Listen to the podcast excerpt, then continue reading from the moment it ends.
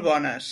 Uh, això és Cameo, però això no és el Cameo, això és Cameo Fest, una sèrie d'especials que començarem amb aquest, amb aquest que estem començant ara, i que més seran en català, i que estan dedicats als diferents festivals de la ciutat de Barcelona que viurem en les properes setmanes, mesos. No sóc en Francesc Via, com haureu notat, vull dir, no m'he quedat calvo d'aquest matí ara, vull dir, però tot i, tot i la ressaca dels Oscars m'hi hagués pogut quedar, però no, no sóc en Francesc Via, eh, ni sóc de l'Espanyol, que quedi clar això, per començar. uh, però bueno, farem aquesta sèrie d'especials aquí amb el meu company Lector, que ja l'esteu veient també per pantalla, i dedicarem aquests 4 o 5 programes que farem durant aquest any als diferents festivals de Barcelona. Avui començarem aquest amb el, la desena edició del Festival Americana, el festival dedicat al cine independent nord-americà que celebra a Barcelona des de fa literalment 10 anys, perquè és la desena edició. I això, vull dir, jo no hi he pogut participar, el Héctor sí que hi ha pogut participar, i què tal, Héctor? Què tal la desena edició del Festival d'Agafapastisme nord-americà? Bé, bé, bé, bastant bé. M'agrada com a conductor, eh, m'ha agradat allò, aquesta soltura que tens en català, allò... Això del català que ho fem? Per, per buscar una subvenció, no? Entenc? O sigui, allò... No, no, no, no. No, no, és militarisme, no? O sigui... Es fa, es fa perquè no. així parlarem una llengua que és nostra i, i, no, i no fotrem barbaritats com que vale, parlem en castellà, que ja, fotem unes catalanades que foten por. Això és veritat, sí.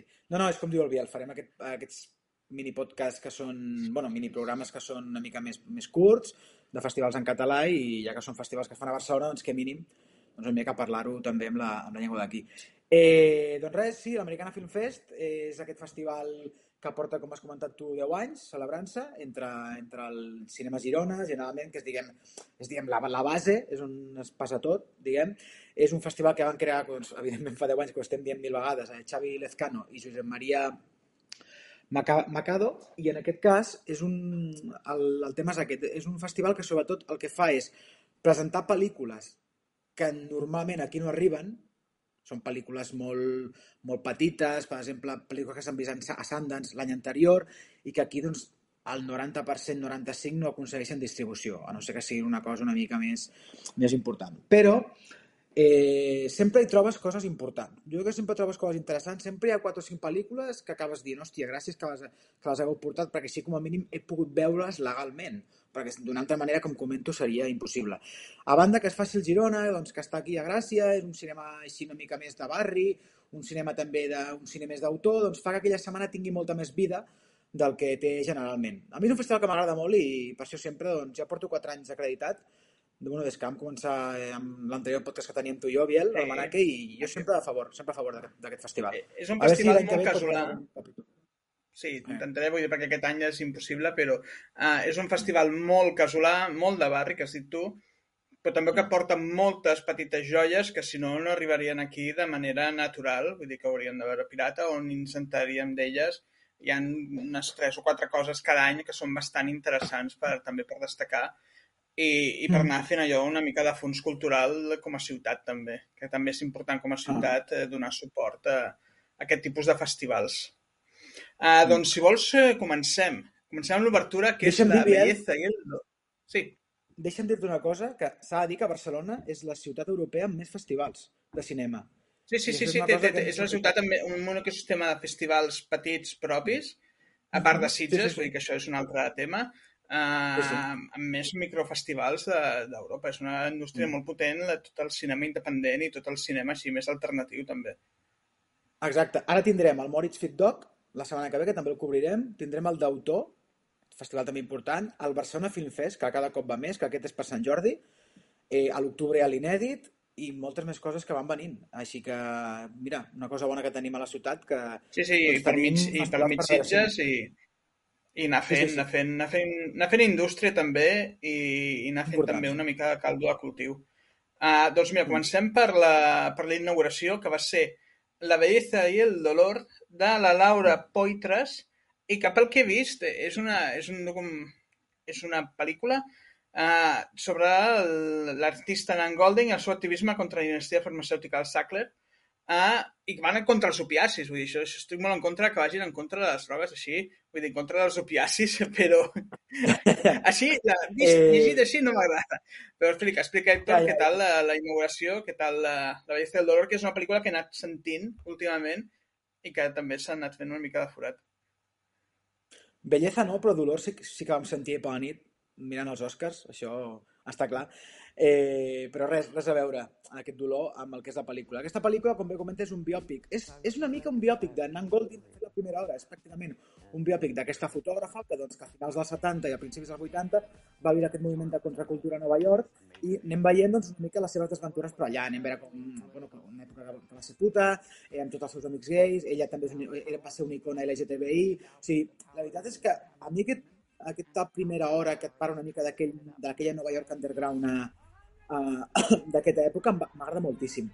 A partir d'aquí, a partir llavors, doncs sí que la pel·lícula se centra més en el que és eh, aquesta lluita contra, diguem, contra aquesta família, la Sackler, que a vegades són mecenes de molts, de molts, de molts museus coneguts d'arreu del món i que, bueno, que van instaurar aquesta, aquesta espècie de droga, farmàcia, aquesta droga que es venia a les farmàcies i que va acabar amb mogollon de gent arreu del món. Eh, la eh, es va també una mica estar per allà la crisi del SIDA, on va morir molta gent, i clar, evidentment, doncs, ella va perdre molts amics a partir d'aquesta per culpa d'aquesta droga i mentre ells es feien rics. La pel·lícula et parla una mica, la primera hora sobretot com comento és un biòpic d'ella, que és un personatge, la Nan Golding, que jo no coneixia, i m'ha semblat fascinant, i després sí que és veritat que és una mica més ja del tema de l'activisme, que a mi ja em cansa una mica menys, que és el que, que és el que parlaves tu ara. Està bé, està bé, evidentment, la part de l'activisme, però no em sembla tan interessant com aquell moment contra la cultura a Nova York, que a mi això em fascina. O sigui, a mi això és una cosa que m'agrada molt. És una pel·lícula que, documental que va guanyar el Llolla, que es diu aviat, o sigui, és un premi, un dels quatre grans que hi ha i el va guanyar. I jo, bueno, doncs va ser la inauguració, que la vam poder veure el dimarts al Fenòmena. S'ha estrenat ja en sales comercials el divendres passat, perquè la porta Filmin. En un parell de mesos la tindrem a la plataforma, però molt recomanable. És un documental que a mi m'ha agradat, sobretot per aquest personatge, la Nan Golding, que és superinteressant. Jo, bueno, segurament per mi la millor pel·lícula del festival, tot i que no és la pel·lícula, diguem, que ven- venim a descobrir en aquest festival, però sí que és molt interessant, La belleza i el dolor. El Per, sobretot per això. I Laura Poitras, eh, una documentalista bueno, que ha fet mogollon de documentals coneguts, sobretot coneguda per Citizen Four, que és aquest documental sobre Snowden, si el recordeu, que va guanyar l'Oscar també 2014 i que al seu moment Sí. va tenir molt de rebombori. Mm. Doncs molt recomanable, La belleza i el dolor. Què li posaries? Va, digue- diguem notes. Eh, un 6 i mig perquè la part activista no m'agrada tant. M'agrada molt més l'altra part. L'altra part li potser li posaria quasi un 8, però la part activista és com... Vale, sí, ja ho he vist, això. No... O sigui, i entenc que, és, que no poden coexistir una sense l'altra, eh? Però, però bueno, jo la part activista és que m'acaben, a mi m'en cansa una mica, realment, aquestes coses. Però, torno a dir, una pel·lícula, un documental superrecomanable i per... que s'ha de veure, vaja. La següent és Sharp Stick, de la Lina Dunham, uh, que Mm. va sobre una jove de 26 anys a la perifèria de Hollywood, o sigui, la perifèria aquesta de Los Angeles, que fa de babysitter, i a partir d'aquí ja es va desenvolupant tota la pel·lícula. Què, què ens ens pots explicar? Què tal aquesta? Vull Bueno. dir, el pòster promet molt, sembla jo American Beauty, gairebé, però les notes tampoc són gaire bones. Bueno, a mi el pòster em sembla una merda. A mi no m'agrada gens el pòster, ara estava mirant, a mi no m'agrada gens. Però aquesta Sharp Stick, bueno, eh, sobretot aquí, un nom, ho has dit tu, eh, Helena Dunham. O sigui, Helena Dunham és la creadora de Girls. Eh, de 2011 a 2017 va ser una de les persones que més va estar en boca de tots per, per aquesta sèrie, una sèrie de la qual sóc molt defensor, més enllà de que jo pugui tenir alguns prejudicis en contra d'ella, d'Helena Dunham, trobo que és una tia molt interessant sempre tot el que fa. Eh, aquesta és la seva tercera pel·li, ella havia, estat, havia fet Danny Furniture, que és una pel·lícula també una mica així a cavall, una mica al cine aquest indie, entre Noah Baumbach, un Woody Allen de saldo, tal, que és interessant. I aquesta pel·lícula bàsicament parla d'una noia que té 26 anys, que és verge, per un problema que ha tingut de salut, i que fa de minyona d'un nen que té síndrome de Down. Eh, el que fa, s'enamora del pare del nen, que, que està casat justament amb l'Helena Dunham, el personatge d'Helena Dunham. Ell és John Bertal, que l'hem vist a mogollon de pel·lis, per exemple, és el, el Punisher, tu coneixes per això, Biel, i últimament està a tot arreu. John Sí. Bertal és un, un actor molt conegut. I bueno, és una pel·lícula que és interessant, bueno, això que comentava, que ella eh, s'enamora d'aquest tio bueno, i comença a descobrir el sexe a partir d'ell. I és una mica com ella va descobrint el sexe. Eh, valoració de pel·lícula? Bueno, eh, és interessant, la noia, la protagonista, Christine Fawcett, jo no l'he vist a cap lloc, i bueno, m'ha semblat bastant correcta, molt desinhibida, això està bé, però la pel·lícula es queda una mica mig que no m'acaba de... no acaba de rematar cap cosa. El viatge d'ella tampoc acaba anant a cap lloc, no sé, m'ha deixat una mica fred. Mira, està bé per veure els Sí, actors les, secundaris. crítiques que, les crítiques que surten tampoc són gaire bones, eh, vull dir. Ah, bastant fluixes, de fet. No... Però bueno, jo l'Helena Adam, ja et dic, és una tia que em sembla interessant i sempre tot el que fa m'agrada veure-ho. Eh, no sé, surt bastant irreconeixible, sempre ha sigut molt grassoneta ella, però aquí l'he vist com a molt... No sé, no sé, molt, molt, molt, estranya està l'Helena Adam físicament en aquesta pel·lícula. Però, no sé, quan he vist Instagram està igual, eh? però m'ha sobtat aquest canvi. Feia molt que no la veia i m'ha sobtat. Però bueno, trobo que és una tia que és tan interessant que em, em sorprèn que estiguin ara fent coses una mica irrellevants.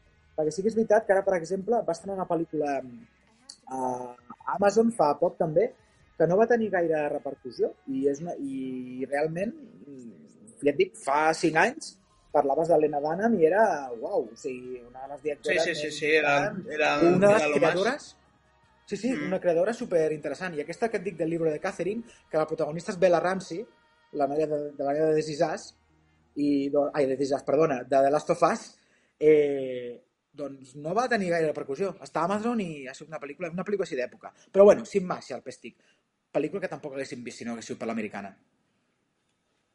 Després tenim una altra que també va d'amors, també va d'amors de gent jove amb gent gran, que és eh, Palm Trees and Power Lines, de en Jamie, Duck. Duck. Mm. Tac, Ah, sí, sí. Aquesta què tal? Aquesta sí que veig que té bastanta bona crítica i bastanta Mm. bona acollida. Mm. Aquesta m'agrada. Aquesta potser és la que m'ha agradat més. Més enllà de La belleza i el dolor, que ja era una pel·lícula Mm. que no, no la compto com d'aquest festival més enllà de que.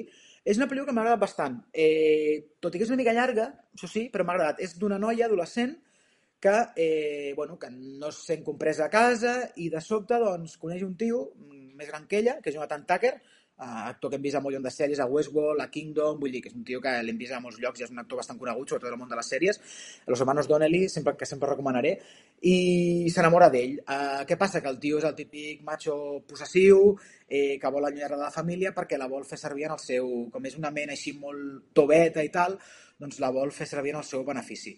És una pel·lícula que està bé, també pel·lícula ambientada al Midwest americana, americà, amb un ritme superlànguid, molt lenta, molts planos fixos, eh, però està bé, està bé. Li sobren 20 minutets? Sí, evidentment, però passen molt amb aquestes pel·lícules.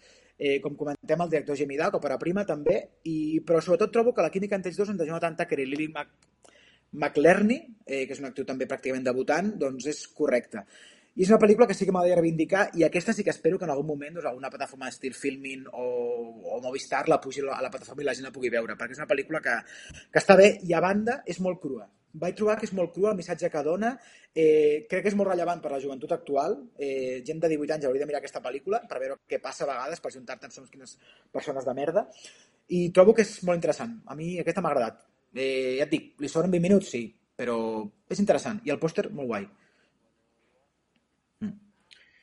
La següent, que tenia per aquí apuntada, ja passem a la següent, és el Club de l'Odio, de Sí, Beth Club de de l'Odio. Araujo. Club de, do, de Res a veure amb Loran. Ah, Res a veure amb Loran Araujo, eh? no, no, la sinopsis es espectacular, ¿eh? De- ah, sigue una sola tarde en la vida de una profesora de primaria mientras organizan una reunión de mujeres con ideas afines. Ah, ¿Qué tal, això? Vull dir, de què va esto? És una pel·lícula de la que millor no saber res més, de que és una pel·lícula eh, que passa bàsicament a temps real, és quasi un pla seqüència, bueno, és un pla seqüència realment, crec que és fals, crec que és, té trampa aquest pla seqüència, Sí, sí, deu, deu, estar, Eh, deu estar muntat. i més enllà del que comento de la reunió de dones, jo crec que no us diria res més a partir d'aquí. Eh, hi ha una mica És el de debut, no?, Invasion, com a pel·lícula. Sí, també, exacte. Però aquí ve batejada per Blumhouse, aquesta productora de la que hem parlat Sí, diverses sí, sí, sí, vegades, sí. que és, eh, ara mateix és una mica eina del cinematogràfic, fa la carrera de Shyamalan. Vull dir que ha fet coses molt grans Blumhouse. Una pel·lícula que jo no la coneixia abans del festival, tot i venir de Blumhouse, aquí no té es diu realment soft and quiet, que el tio, però sembla que de lectura la gent s'odia a si mateix. I potser també dura, dura i mitja, però trobo o sigui, s'allarga massa perquè al final la idea no dona per tant però també és interessant, i aquest ja veurem si s'estrena, suposo que sí, perquè el cinema de terror, encara que sigui en plataformes, sempre acaba Sí, sí, sí, això s'estrena en algun lloc. Però està A bé, més, està bé, si està porta bé, el segell Blum, Blumhouse, el s'estrenarà bastant. Vull dir, crec jo. Perquè més, ve amb això, ve amb aquesta patina de Blumhouse, eh, que això ja dona un plus i sempre estan així explorant una mica el terror lateral, Sí. les lateralitats del terror i les noves visions del terror. Vull dir, té, té pintassa, eh? Vull dir, quina nota li posaries amb aquesta?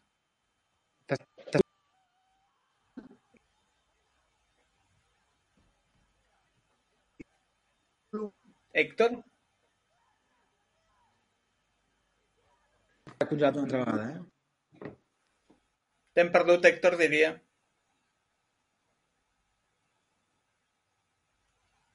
Eh, no hem perdut el nostre enviat especial a, a l'americana o l'he perdut o, o m'he perdut jo. També pot ser, però crec que l'hem perdut també perquè a mi el vídeo em continua sortint magníficament bé i, i és ell que ha desaparegut. Potser s'ha convertit en un, en un film d'americana, de, terror també, i ha desaparegut per sempre el pobre.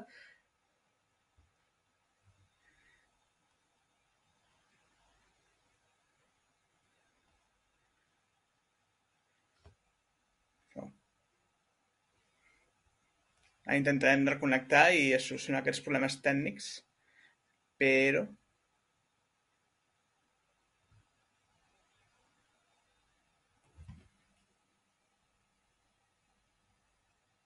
Vale, ja estic aquí una altra vegada. Vale, havia sigut tu, no? Vull dir, era allò que estava en Sí, directe sí, i sí, tu que havia no. sigut jo, havia sigut jo. Sí, sí. Sí que... Vale. No sé, jo... No, tenia, tenia por de que, hagués, de que haguessis sigut víctima del club de, de l'odio i haguessis no, no. desaparegut en És que directe. de sobte, de sobte t'he vist, he vist el teu cap que tot el rato feia blum, blum, blum, blum, blum i com estava rapejant. Dic, què m'està rapejant el Biel aquí, en plan... No, no, no, Sí, no sí. jo, jo estava perfecte, aquí estàvem perfectes, estan connectats esperant-te uh, i veient Hem aviam què tal. Aviam, ens havien quedat que quina nota donaves a el club de l'odio. Un 6. Sí, bé. Bé. Ara passem a la següent per anar avançant, que és eh, Dual, de Ridley Stearns. No pronunciaré Du- mai eh, bé cap nom d'anglès. T'anava a dir... No sé si l'he pronunciat bé, però bueno, eh, aquí seria No, però eh, Has dit ciència la ficció i thriller. això està ben dit? Això està ben dit, la següent en català? La següent sí, he dit la següent. Has dit la següent, però bueno, és igual. Bueno, és igual. És igual. Llenguatge de Berga. Eh, ai, de, de Vegas.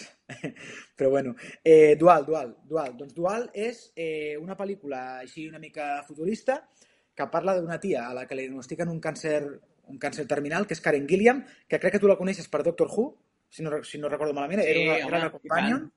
Sí? I tant, i tant. I, bueno, li diagnostiquen càncer terminal i, en, i hi ha una empresa que pot fer clons, que és per si tu et mores, doncs aquest clon es quedi amb la teva vida. Per exemple, tu durant aquest temps que et queda de vida l'entrenes perquè estigui amb la teva família, perquè sigui la filla de la teva mare, perquè sigui la dona del teu marit, tal, la mare dels teus fills, tal. Què passa? Que quan l'ha entrenat i han passat dos mesos, ella no ha mort, segueix viva. I el tema és que, clar, hi ha un moment en què el càncer, el càncer remet i pensa, uau, i ara què? I llavors, clar, només pot quedar una. I per això hi ha d'haver un duel dintre d'un any doncs perquè només quedi una. I l'argument és absurd, però durant tota la trama em va mantenir més o menys interessat. El tema és que quan l'última mitja hora desbarra per malament justament per no desbarrar. O sigui, té un acabat massa... Ai, té un, diguem, un final eh, que no m'agrada gens com, com acaba i se'm queda una mica fluixa la pel·lícula. És mitjanament interessant. Tenim aquí Aaron Paul, el nostre estimat Jesse Pinkman, que fa d'entrenador personal de combat, que dius, vale, jo no aniria a entrenar amb aquest Aaron Paul perquè és una mica tirilles, però bueno. Va, interessant, però pel·lícula que ja veurem també si arriba en algun moment. Aquesta sí que potser també arriba a una plataforma només pels actors, perquè els dos són coneguts. Mira, aquesta la vull veure Aquesta perquè posaria. soc bastant fan de Karen Gillian. Soc bastant fan, Mm. m'agrada molt des de l'època de Doctor Who. Vull dir, jo tothom que hagi passat per Doctor Who ja està, ja té el meu vistiplau per fer el que vulgui la vida i sempre li miraré tot, el que, tot el que hagi fet. Doncs aquesta li poso un 5. Un 5, vale. Llavors, tenim la següent, que és War Pony, Sí, el War poni de guerra. Sí, no té res a veure amb això, Que, això però... vull que m'expliquis molt bé què és el War Pony. War Pony. War, War Pony és una pel·lícula dirigida, és la primera pel·lícula que dirigeix Riley Keough, que és la noia de The Girlfriend Experience, i a la vegada, a la vida real, la neta d'Elvis Presley i la filla de Lisa Marie, que va morir fa poc. Eh, és una pel·lícula que parla, que està ambientada a la reserva índia, és sobre un noi indi que, doncs, bueno, és una mica d'un noi de 23 anys que eh, veiem doncs, com intenta sobreviure a la reserva, doncs, fent petits treballs, petites trampetes, a la vegada té dos fills, vull dir, bueno, realment doncs, és una cultura on es tenen fills abans, eh, és un altre estil, o sigui, no, no és la nostra cultura. I a la vegada veiem aquest nen també petit que una altra història paral·lela on també el veiem doncs, com intenta sortir endavant quan el seu pare el deixa enrere, va de casa d'acollida a casa d'acollida i tal. És una pel·lícula interessant, eh, però em va semblar un tostonazo important. O sigui, de fet, la vaig mirar dissabte a les 6 de la tarda i em vaig quedar fregit com a dues vegades, realment. Eh, té un ritme també superlànguid, com la majoria d'aquestes pel·lícules, i a mi se'm va fer una mica bola. O sigui, ja es dic, és interessant, si us mola aquest el tema cultura índia i tal, a mi no m'interessa gens, però bueno, té cosetes que està bé el tracte com el tracte que dona Riley Keough, que realment no és índia, a un, diguem, a un món que no és el seu.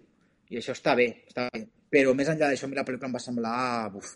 És molt americana aquesta pel·lícula realment, eh? Vull dir, molt americana festival, vull dir que té tot el sentit que estigui aquí. Però bueno, jo que no t'agradarà aquesta, Biel. No, no, no, no la veig per tu. No, no té pinta, eh? Vull dir, aquesta sí que no perdré ni un no. minut de la meva vida, crec. Si fossin polis barallant-se, val. Sí, no, no. M'imaginava alguna més divertit que això. Saps? Vull dir, imaginava un poni de guerra. Ponis barallant. Jo vull sí. un poni de guerra. Vull dir, una cosa que estaria bé gravar sobre això. Home, sí, sí, cine sí. independent americà, podríem fer cine independent català i fer eh, el poni de guerra totalment. Ja està. Quan... amb, el, amb el burro d'Inisherin. Hòstia, sí, la Jenny, sí. Exacte. Sí, sí. Uh, la següent és Emily l'estafadora. Sí, de sí, sí. John Patton Ford, primera pel·lícula, novel. Mm. I això, una noia que es dedica a estafar amb targetes de crèdit i que això la boca solament una espiral d'autodestrucció, crims i el baix món criminal. Eh, un dels plats grossos, sinó el, un dels plats grossos, sinó el que més del festival, perquè és una pel·lícula aquesta sí... Jo aquesta la pel·lícula l'havia vist ja, anteriorment, ja he pogut veure-la, perquè sí que estava... Eh, la podies comprar a plataformes, la podies comprar a Filmin com a lloguer i la podies comprar també a Movistar. De fet, ja està a Movistar com a... Aquesta la podeu veure a Movistar ja. Eh, sí, sí, com a pel·lícula normal, com a pel·lícula oberta. Sí, sí, exacte, ja la pots veure directament a la plataforma. Per què et dic que és un plat fort? Perquè mira que és la protagonista, Aubrey Plaza, eh, sí. April, April Ludgate a Parks and Recreation i ara mundialment coneguda per The White Lotus, una temporada que ens va flipar a tots i on ella, diguem, s'ha obert una mica més al gran públic. Eh, quan ella és una actriu que porta 10 anys, 15 treballant al cine indie, eh, és una tia a banda que, bueno, la coneix superconeguda, sobretot. És una tia molt de xarxes socials, és dir, el, el seu fan real és aquest fan de xarxes socials, diguem, una mica més cultureta, que mira pel·lícules més indis, que realment fora d'aquí no es coneix, però és una actriu boníssima, a banda té aquest atractiu que té ella, super interessant, i aquesta pel·lícula, com la sosté totalment ella, és una, bueno, és una tia doncs, que sempre ha estat una mica doncs, vivint també així una mica al marge i tal, i aquí entra, doncs, com has comentat tu, en un món d'estafes amb, amb targetes de crèdit en, en, temes de, en temes de mòbils. Eh, tot passa a Los Angeles, una, un Los Angeles una mica així sòrdid, val? una mica més així als barris, als guetos, i és una pel·lícula que està bé, la pots veure, la veus, te n'oblides, però sobretot s'aguanta per ella, perquè és molt bona actriu i té molt de carisma. I està bé, dels altres actors, bueno, no són molt coneguts. Teo Rossi estava a Sons of Anarchy, si heu vist Sons of Anarchy, era un dels actors, sobretot les primeres temporades. Eh, però bueno, és una pel·lícula que està bé, ja dic, sobretot per ella, eh, perquè té molt de carisma, com he comentat, i a mi sé, sempre tira això. Jo la recomano, Emily l'estafadora. La teniu a Movistar, o sigui, la, si teniu la plataforma pel futbol, encara que sí, us entrarà a la, a la fusió o el que tingueu. Així que jo, molt bé. Ja et dic, plat fort perquè és la, és la, que, va, la, la que va esgotar entrades i la que tothom volia veure al festival. I com aquí no he tingut distribució en cinemes... També un 6, eh? Però per, per, per, per mi un 6 és bo. o sigui, vull dir que... Està bé, està bé, està bé. Està bé, però ara sí. estem molt bé en aquest festival. Menys alguna coseta... Sí, sí, sí, no, de moment no, no, estic, no estic suspenent molta cosa. Queden tres, vull dir, aviam, aviam si podem fer allò un festival bastant, bastant apanyadet. Uh, la següent és Something You Said Last Night, de Luis de Filipis. Uh, veig que és uh, sobre... Luis de Filipis. És de Filipis. Sí, no? sí. L'hem d'entrevistar, aquest senyor, eh, pel nom. Sí, sí, només he de dir, què tal, Lluís de Filipis? Uh, hem tingut un dia molt llarg, no, no hem dormit gaire per culpa dels Oscars, vull dir, no ens ho tingueu en compte, per favor, per, Hem dormit dos per l'amor de Déu, no realment ens tingueu en compte això. Però, bueno, aquí hi entraríem en pel·lícules dramàtiques amb transsexuals. que Gairebé és un gènere. Eh, no, mira, et diré una cosa. Jo anava amb aquesta por, en plan, em fotran la turra ara amb el tema trans i tal, i no en tenia gens de ganes. I no, o sigui, evidentment, la protagonista és una noia trans, però el ser trans no és el, el principal problema de la pel·lícula. És una cosa totalment acceptada, la família. És d'una noia que la fan fora de la feina, és una guionista, la fan fora, té 26 anys i està una mica en aquell punt millennial, no sé què fer amb la meva vida, tot és una merda, també és una mica aquesta generació de que tot és un drama, tot és un desastre, i bé, i és un viatge que fa familiar, és una família italo-canadenca que se'n van de viatge. Eh, van, al principi de la pel·lícula sona Serà perquè t'hi amo, directament, aquesta mítica cançó italiana de tota la vida, de Richie Povere, Sí. eh, que jo per, vaig haver d'escoltar mil vegades per culpa de mon pare al cotxe. De fet, em va fer molta gràcia perquè una amiga que la van a veure la va Carrà, sacrilegi, eh, confondre Richie Povere amb, amb Rafael Carrà, però només que tingui aquesta cançó ja mola. Eh, I, bueno, és una pel·lícula que està bé. És sobretot una mica aquest viatge que fan i com un, intenta reconnectar una mica amb la seva família. Ella es creu a vegades una mica per, so- per sobre, perquè és el tema aquest que també és, és escriptora, tal, és aspirant a escriptora. La seva família és una mica més aquella Itàlia soprano, saps? Allò una mica més Sí. una mica més garruleta i tal, és també la relació que té amb la germana, i té coses que són interessants, vull dir, del, del lloc aquell on estan. És una pel·lícula que està bé, no mata, però és una hora i mitja agradable, la, la vaig trobar. I la- i l'actriu, Carmen Madonia Està bé, i està bé. Ramona Milano, les actrius sobretot, trobo que estan bé, són descobriments que són interessants. És una pel·lícula que ja et dic, Luis de Filippis no ho coneixia i, i sobretot m'agrada això, que sigui, que toqui el tema trans però que no sigui la part, la part principal. O Que ho sigui, normalitzi. una cosa que està Sí, sí, que sigui una cosa, Exacte. trama normal, Exacte, que en veritat sigui una pel·lícula de drama millennial, que també és molt comú ja, vull dir, totalment, és, sí. és el, el Clar, grans 80% conflictes del que es fa. Mm. Sí, sí, sí, és la crisi millennial, l'únic que amb una persona trans, en... sí, està bé, està bé, no, no, està bé, està molt bé. Sí, sí. Uh, quina nota li posaries? També, aquesta, mira, un, un, ci- un 5 i mig, va. Vale, anem a la penúltima, que és Bodies, Bodies, Bodies, que aquesta ja la vam veure a Sitges. Jo Sí. me la vaig perdre. Aquesta és una d'aquelles que em vaig perdre al Festival de Sitges, però que veig que torna aquí a l'Americana. I explica'ns, què tal? Bueno, això és una... pe- Eh, jo aquesta pel·li també l'he veure ja a Sitges. El seu... Bueno, l'he vist abans de Sitges. Sí, eh? jo recordo que no em vas parlar gaire bé, tampoc, eh? Vull dir... No, per això et deia que ara, ve, ara venen les dues que no m'agraden. Eh, aquesta pel·lícula és una mica una presa de pèl. És una pel·lícula de, de, de David Day24, eh, la productora de Ato de les partes, ja ha guanyat l'Oscar, vull dir, que és una productora que té també molt bona premsa entre el cinèfil així més jove, de 20, de 20 30, 40, i és una pel·lícula que és d'un grup, d'un grup de, de persones de 20 anys que se'n van a una festa i a partir d'aquí, diguem, que a partir d'aquí comencen, comencen a jugar un joc fins que mor un d'ells. I a partir d'aquí és una mica, doncs, a veure què, a veure què passa, les, les punyalades que es foten per l'esquena cadascun i tot, i tot el que passa. Tot, tot també les o no? Sí, sí. Tota l'estona estan amb el tema de les noves tecnologies, tal. Té actors coneguts, té Pete Davidson, vull dir que és aquest còmic americà de The King of Staten, The King of Staten Island, tu coneixes per això, Biel, la pel·li de Judd Apatow. Sí. Té la Rachel Sennott, que ha estat molt a l'americana, sobretot fa dos anys per Shiva Baby, una pel·lícula molt recomanable que està filming. I és una pel·lícula que, bueno, que està bé, o sigui que està bé. La pots veure, no t'avorreix, d'hora i mitja, és mitjanament interessant, però és una presa de pèl. I a mi em va fer una mica de ràbia quan la vaig veure. Eh, sí que als Estats Units va tenir bastant bona premsa, però després quan la gent la va començar a veure aquí, sobretot a Sitges, va caure una... van caure bastantes caretes, eh? És com aquesta pel·lícula que tens ganes de que t'agradi, però t'esforces, però no, no, no, no. I per mi et dic, una pesa de pèl. A banda, el que passa, el que veus que passa, jo m'ho veia venir des d'un principi. I, I no sóc especialment Sherlock, eh, mirant les pel·lícules, però bueno, jo per mi aquesta li fotria un 5, pelat, perquè és mitjanament entretinguda, però res. Aquesta també està a Movistar amb el títol de Muerte, Muerte, Muerte. Ja la podeu veure amb subscripció. Sí, que va, va, va, quina traducció també, vull dir, bastant curiosa. Sí, és lamentable, sí. sí. Sí, sí, no, bueno, com totes, bueno, és, és la tradició espanyola de traducció de pel·lícules. Sí, sí. Uh, però bueno, perquè aquesta més era fàcil, vull dir, no era gaire difícil això, però bé. Uh, quina nota li posaves? Un 5 perquè no és, o sigui, no és, no és una porqueria ni molt menys, es pot veure, sí. Es pot veure, sí, ja està, però te n'oblides al moment. I ara, per eh, clausurar el festival, Acid, o Acid, com es sofocar. Acid Man. Acid Man. Ah, No un home posat d'àcid, eh? O sigui, per desgràcia, Però no és tenia posat equivocat, allò. Ah, potser t'ho escrit malament. no. És, no Ah, és un home no, si posat d'àcid, això ja és responsabilitat d'un altre. No, no, tal qual. O sigui, hagués molat que hagués sigut una pel·lícula d'un tio posat d'àcid, realment. Ja, doncs mira, doncs Ah, no, no, ja m'esperava no. això, vull dir... No, a no, més, no, que no la no, no, trobava, no. saps? Dic, ah, sí, bueno, no sé, deu ser tan independent que no Sí, sí, clar. No, si està el nom malament, és que ja no, ja no fem miracles, tu.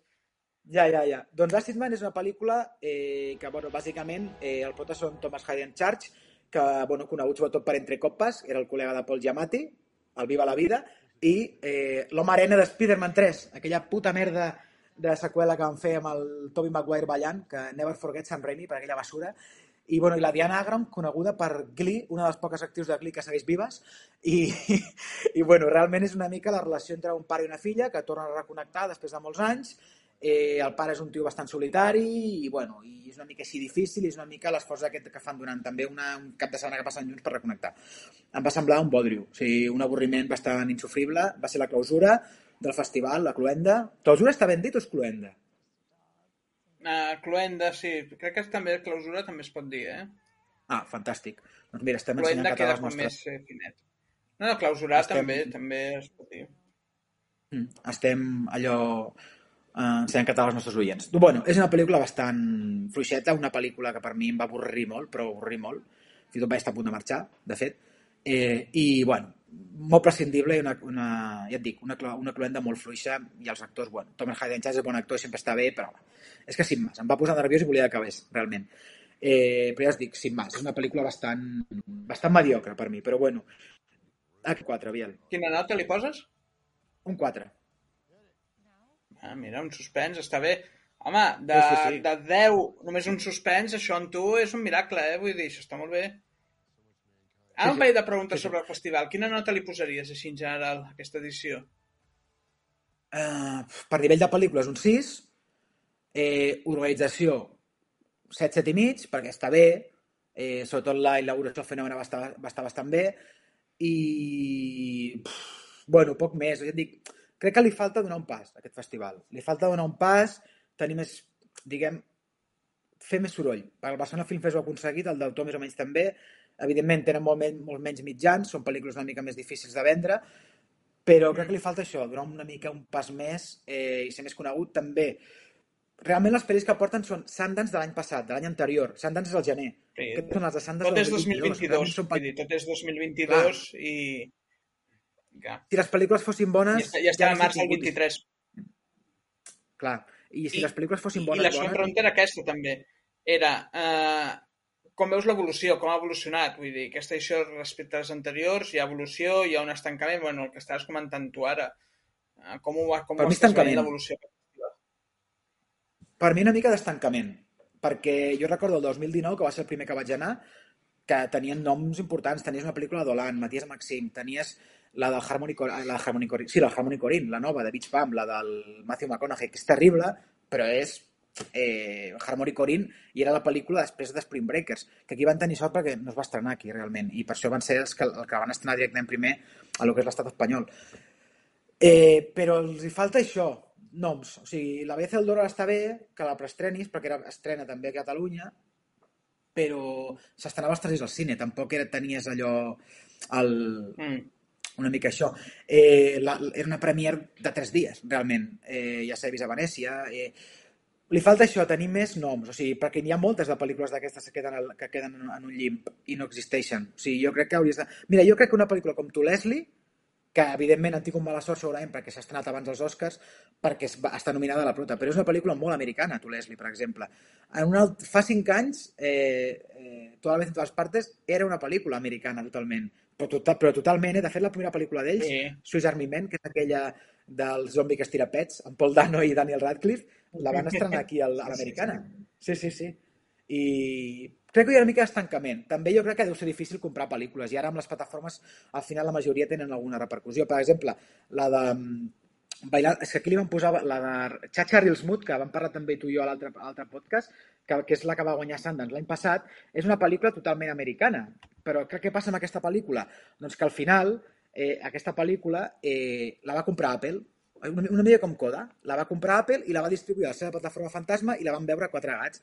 L'anterior pel·lícula de Cooper Rife la van veure a l'americana nosaltres. Jo la, vaig descobrir aquest tio allà, que era la pel·lícula Shit House, que, que justament no em va agradar, però hi ha una pel·lícula una mica més gran com Chacha Real Smooth, ja no ve aquí, directament, perquè la compra Apple, quan era una pel·lícula que era totalment americana. Clar. De fet, l'any passat, si tinguessin recursos, a- és el gener Sundance. El març que s'estén això la podien haver passat, però entenc que tens pocs recursos. Però bueno, que ja et dic que amb el que tenen prou fan. Trobo que sí, hi ha una mica d'estancament i jo intentaré una mica més enllà. Però bueno, sin més, si vols et dic un moment el, el prem, el, la pel·lícula que ha guanyat el pre, el, un parell de premis. Sí, sí, sí, sí. de- Escolta, això és Sí. una pregunta. I ja acabem. Guanyadors. Sí, bueno, el premi, el premi del jurat, Next, ha estat pel Club de l'Odio, eh, que hem parlat abans, el premi del jurat de la crítica per Rise Boys Lips, que aquesta no l'he vist, i bueno, hi ha hagut també una menció especial per Falcon Lake, o sigui, realment... I, bueno, bàsicament aquests han sigut els premis més Fem repàs importants. això, eh, de que no veiem les premiades. Sí, sí, molt, a mi em passa molt, realment. Jo als festivals que vaig, no sé per què, sempre les Potser tenim, premiades... tenim una que vista per no anar a veure el que guanya. Sí, sí, sí. Però bueno, que això, que realment la pel·lícula que guanya és el de menys. Sí que és veritat que és un... que és un... que al final és un, un festival que importa molt la- l'opinió del públic, perquè tu quan surts de la pel·lícula votes, la votes, en unes paperetes que hi ha allà i la votes, i el premi de públic ha sigut La belleza i el dolor, vull dir, al final, per a la pel·lícula aquesta és un premi menor, té un lleó, té un lleó d'or, saps? No va, no va guanyar tampoc l'Òscar ahir per la nit, però bueno, és que està nominada a l'Òscar, és que és un nom super potent.